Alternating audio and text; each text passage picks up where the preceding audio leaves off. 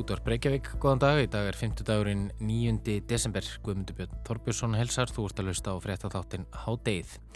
Það er orðið efnahags samdráttur vegna heimsfaraldurs. Hann plagar flesta, flesta einstaklinga, fyrirtæki, stofnarnir, ríki og ríkistjórnir en þó ekki alveg allt og alla. Til dæmis og kannski eðlimálsins samkvæmt virðast ákveðin Livia og bólefna fyrirtæki mala gull á þessum tímum og þá hafa margar netverslanir gert það gott, greiðslið þjónustu fyrirtæki og postsendinga þjónustur og svoleiðis. Já og svo vopnaframlegslu fyrirtækin, hundruð stærstu vopnaframlegendur heims högnuðust á síðasta ári. Í árlegri útækt alþjóða friðar rannsóknar stopnunarinnar í Stokkólmi kemur fram að hagnaður þeirra hafi numiðum 1,3% á sama tíma og efnahagur heimsins dróst saman um 3%. Ríkistjóðnir heimsins verðast því ekki hafa séð tilefni til þess að skera niður í vopnakaupum í COVID-kreppu, jafnvel þert á móti. Við skoðum þetta mál í síðara hluta þáttarins.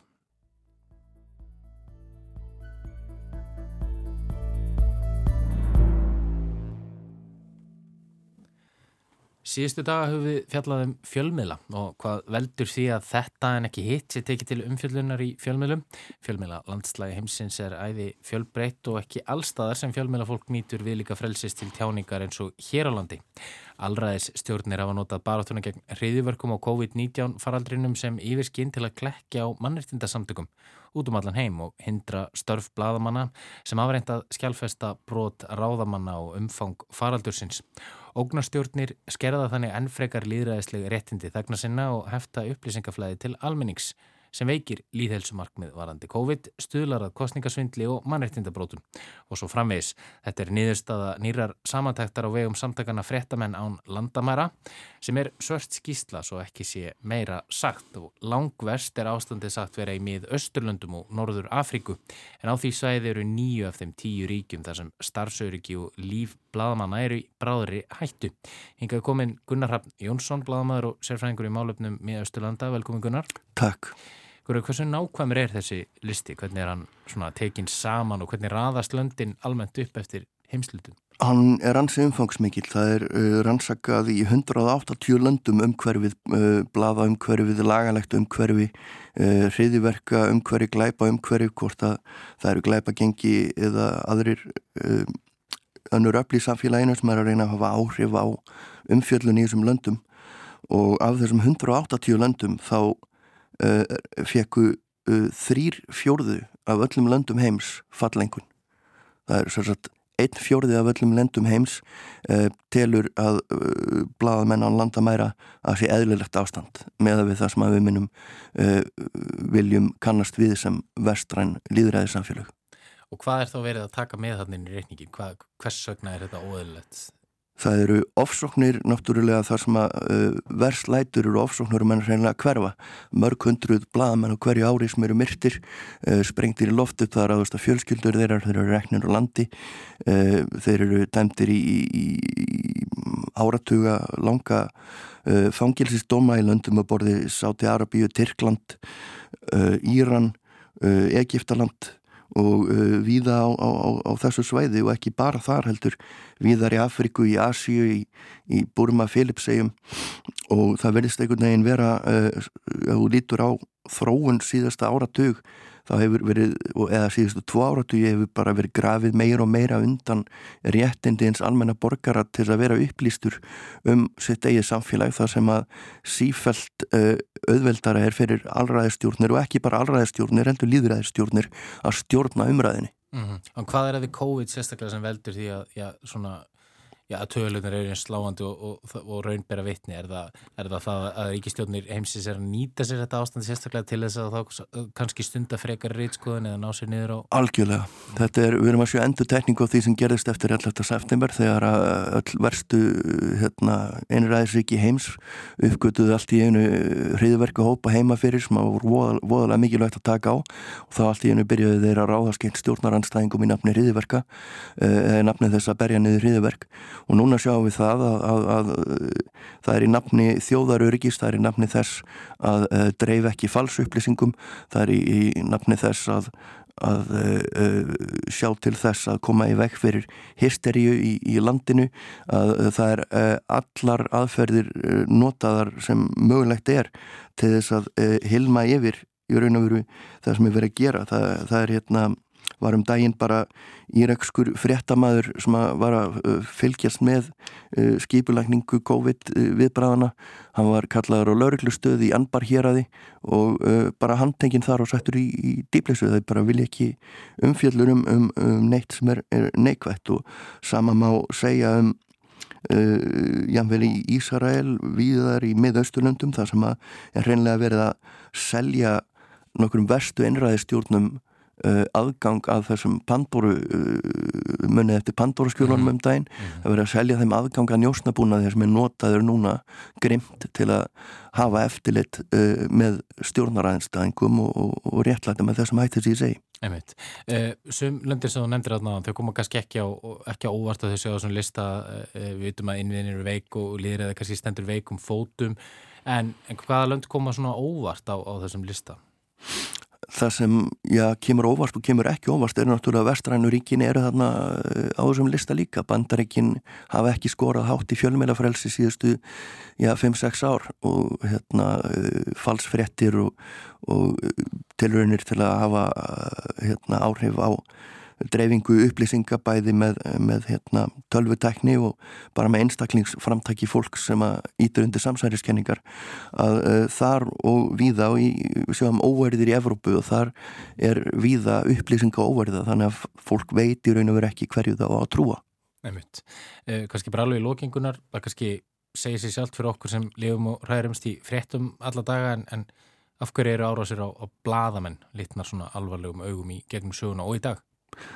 Það sem er raun og veru uh, vendillin uh, til samfélagsins talað um fjórða aflið. Það, það, það verður einhver hafa aftur Um, það verður einhver hafa eftirlit með stjórnvöldum aðgerðum þeirra, það verður einhver að geta fylst uh, með gangi mála og verið óháður miðill, það er nú deilt um hverjir eru óháður miðlar en því fleiri þessari sem þeir eru úr dreifðari að því betri mynd getum að fengið almennt. Og því fleiri óháður fjölmeilar og því fleiri mismunandi myndir sem hægt er að draga upp að því upplýstari er almen, almenningur. Emið það, látu þetta vera lokárin í dag. Kæra þakki fyrir komin í háttegikunar. Háttegið snýr svo aftur strax að loknum háttegis fréttum.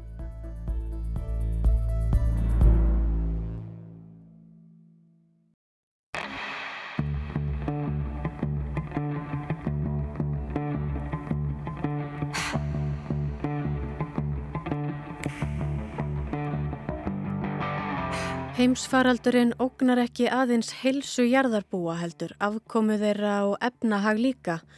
Það er talað um COVID-kreppu á heimsvísu.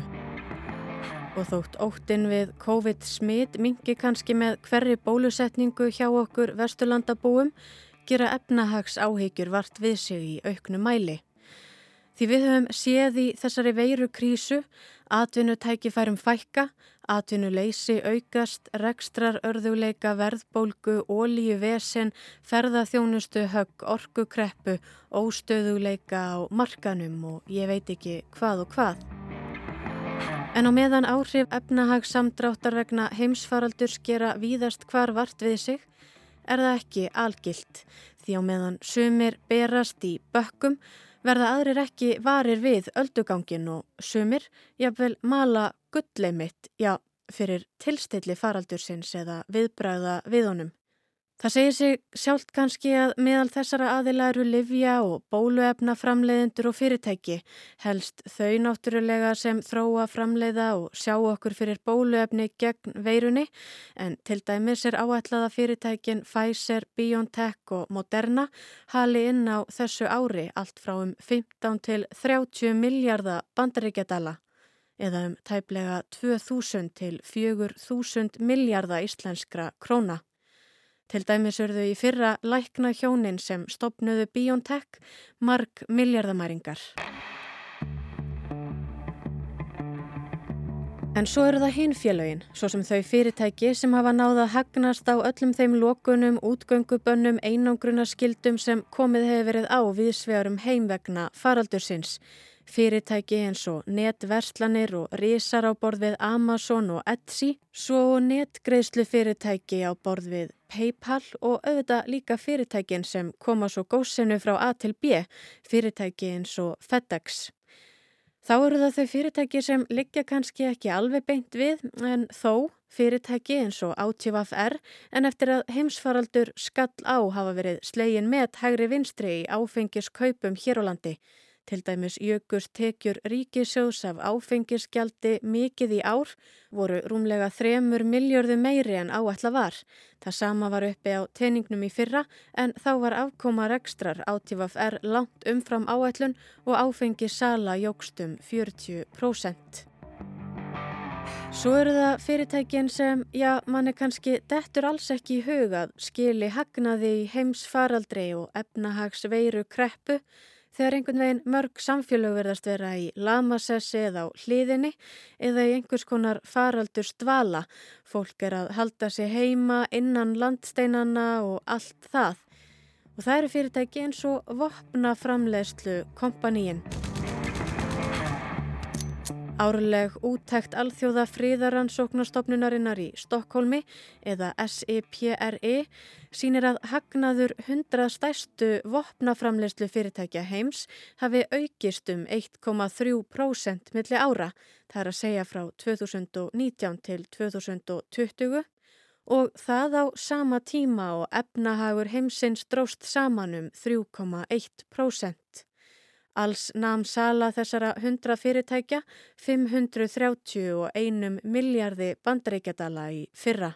En þrátt fyrir að þetta sé nú sjötta árið í þar sem vopna sala og hagnar af henni eikst hjá þessum 100 fyrirtækjum sem úttækt stopnunarinnar teku til og þrátt fyrir að salan hafi aukist um 17% frá árinu 2015 og til ársins 2020 var aukningin 2020 þó minni en árin á undan. Vopna yðnaðurinn er því kannski ekki alveg ónæmur fyrir áhrifum heimsfaraldurs en hann líkt og annar yðnaður hefur meðal annars þurft að þóla tafir á byrðaafhendingu og röskun í byrðarkeðjunni á tímum veiru. Að sögn Aleksandru Markstænir rannsakenda hjá fríðaransóknastofnuninni hefur þó að stórum hluta vopnaframlegslu yðnaðnum verið hlýft við áhrifum efnahags veiru vesens. Jafnvel meira en bara hlýft og það með aðstóð og aðkomu þeirra ríkja heim sem eiga í viðskiptum við fyrirtækin. You know, we think that arms companies were largely shielded from the results of the crisis through sustained government demand for military goods and services, which in turn is linked to sustained or even increasing military spending across the globe. Samkvæmt úttækt friðaransóknarstofnunarinnar halda ríkistjórnir heims ekki aðeins áfram sínum vanalegu vopna kaupa viðskiptum heldur hafa jafnvel sumar hverjar þeirra gefið í eða gripið til aðgerða beinlínis til verndar og stuðnings vopnaframleðendum. Vopnaframleðendunir hafi því jafnvel hagnast á því að ríkistjórnir viðsvegarum heim bregðist við krísu og veiru svo sem með því að dæla auknu fjön í efnahagskerfi sín og eigða meiru. Þar að auki hafi jafnvel sumar stjórnir veitt framleiðendum sérstakann stuðning svo sem með umfangsmeiri og eða nýjum pöntunum, hraðvirkari greiðslum eða jafnvel undan þáum frá ákveðnum sóttvarnareglum. You know, there were also a couple of states that actually actively supported their arms industry during the first year of the pandemic, for example, through accelerated payments or uh, exemptions from stay-at-home orders. Okay, I'm reloaded. Here come the pain. Af fyrirtækjunum 100 sem skipa lista úttæktar friðaransóknarstofnunarinnar eru bandarísk fyrirtæki lang umsvifamest, reyndar eins og svo oft áður. Bæði eiga bandaríkin flest fyrirtækin á listanum eða rúmlega 40 sem samanlagt eiga um 54% allrar sölu fyrirtækjana 100 frá því fyrra og þau umsöfamestu en bandarísk fyrirtæki sitja í fimm efstu sætum listans og raunar hefur það verið þannig frá árinu 2018. Meðal stærstu fyrirtækjana er Lockheed Martin fyrirtæki sem framleiðir F-35 orustu þotur og markvíslegar gerðir eldflöga og hefur verið hvað voldugast á vopnamarkanum frá 2009. Kínversk fyrirtæki voru næst umfangsmest en um 13% af vopnasölu fyrirtækjana 100 má reykja til þeirra kínversku. Hagnaður kínverskra fyrirtækja jógst þá um 1,5% milli ára en hagnaður þeirra bandarísku um 1,9%. 26 evrópskir vopnaframlegendur skipa listan og samanlagt má reykja um 21% af vopnasölu fyrirtækjana 100 frá því fyrra til þeirra. Af evrópsku fyrirtækjunum er breski vopnaframlegandin BAE stæstur og raunar eina evrópska fyrirtæki sem næri topp 10 sæti á lista friðaransóknarstofnunarinnar. Þá eru breskir vopnaframleðendur þeir þriðju umfangsmestu á listanum á eftir þeim bandarísku og kynversku.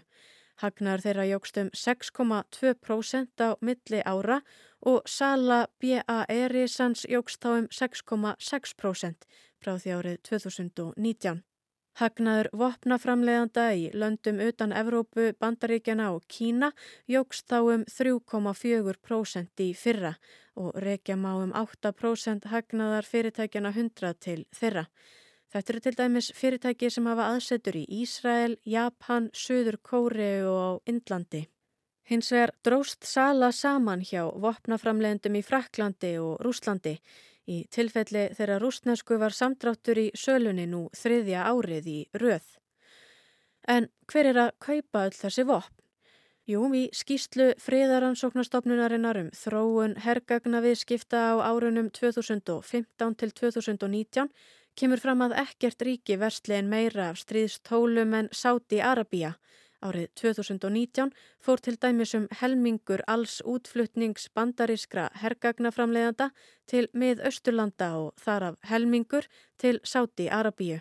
En í skýslunni segir að hergagna viðskipti fari enn vaksandi í heiminum og að á þessu fimm ára tímabili sem þróunarskíslan tekur til, það er að segja frá 2015 til 2019, hafi milliríkja viðskipti með vopn aukist um 5,5% í samanburði við árin 5 þar á undan.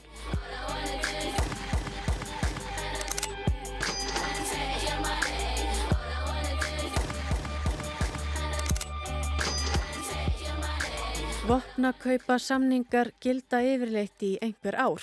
Hugsanlega hefur það einhver áhrif, kannski er það meðal annars þess vegna sem svo lítið högg sér á vatni í vopnaframleyslu yðnanum þrátt fyrir kreppu og erfileika annar staðar. Kannski kemur það setna niður á þessum ákveðna yðnaði, kannski eiga efnahagsvandræðin bara eftir að skila sér í bókaldið og kannski ekki. Kanski er ákveðin stöðuleiki á vopnamarkanum, kannski er alltaf eftirspurn eftir fleiri og betri vopnum. Eða kannski ekst spennustíið almennt á tímum faraldurs. Og kannski ekki.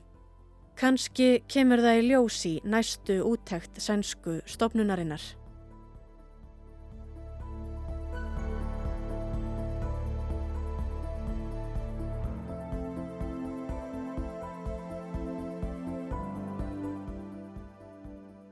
Þetta verða lokaorðin í hádeginu í dag. Við verum hér aftur á sama tíma á morgun. Þátturinn er einnig aðgengilegur í spilaranum og á hlaðvarpsveitum. Það voru hægt að senda okkur post með ábendingum á netfangið hádegið hjá rúf.is. Verið sæl.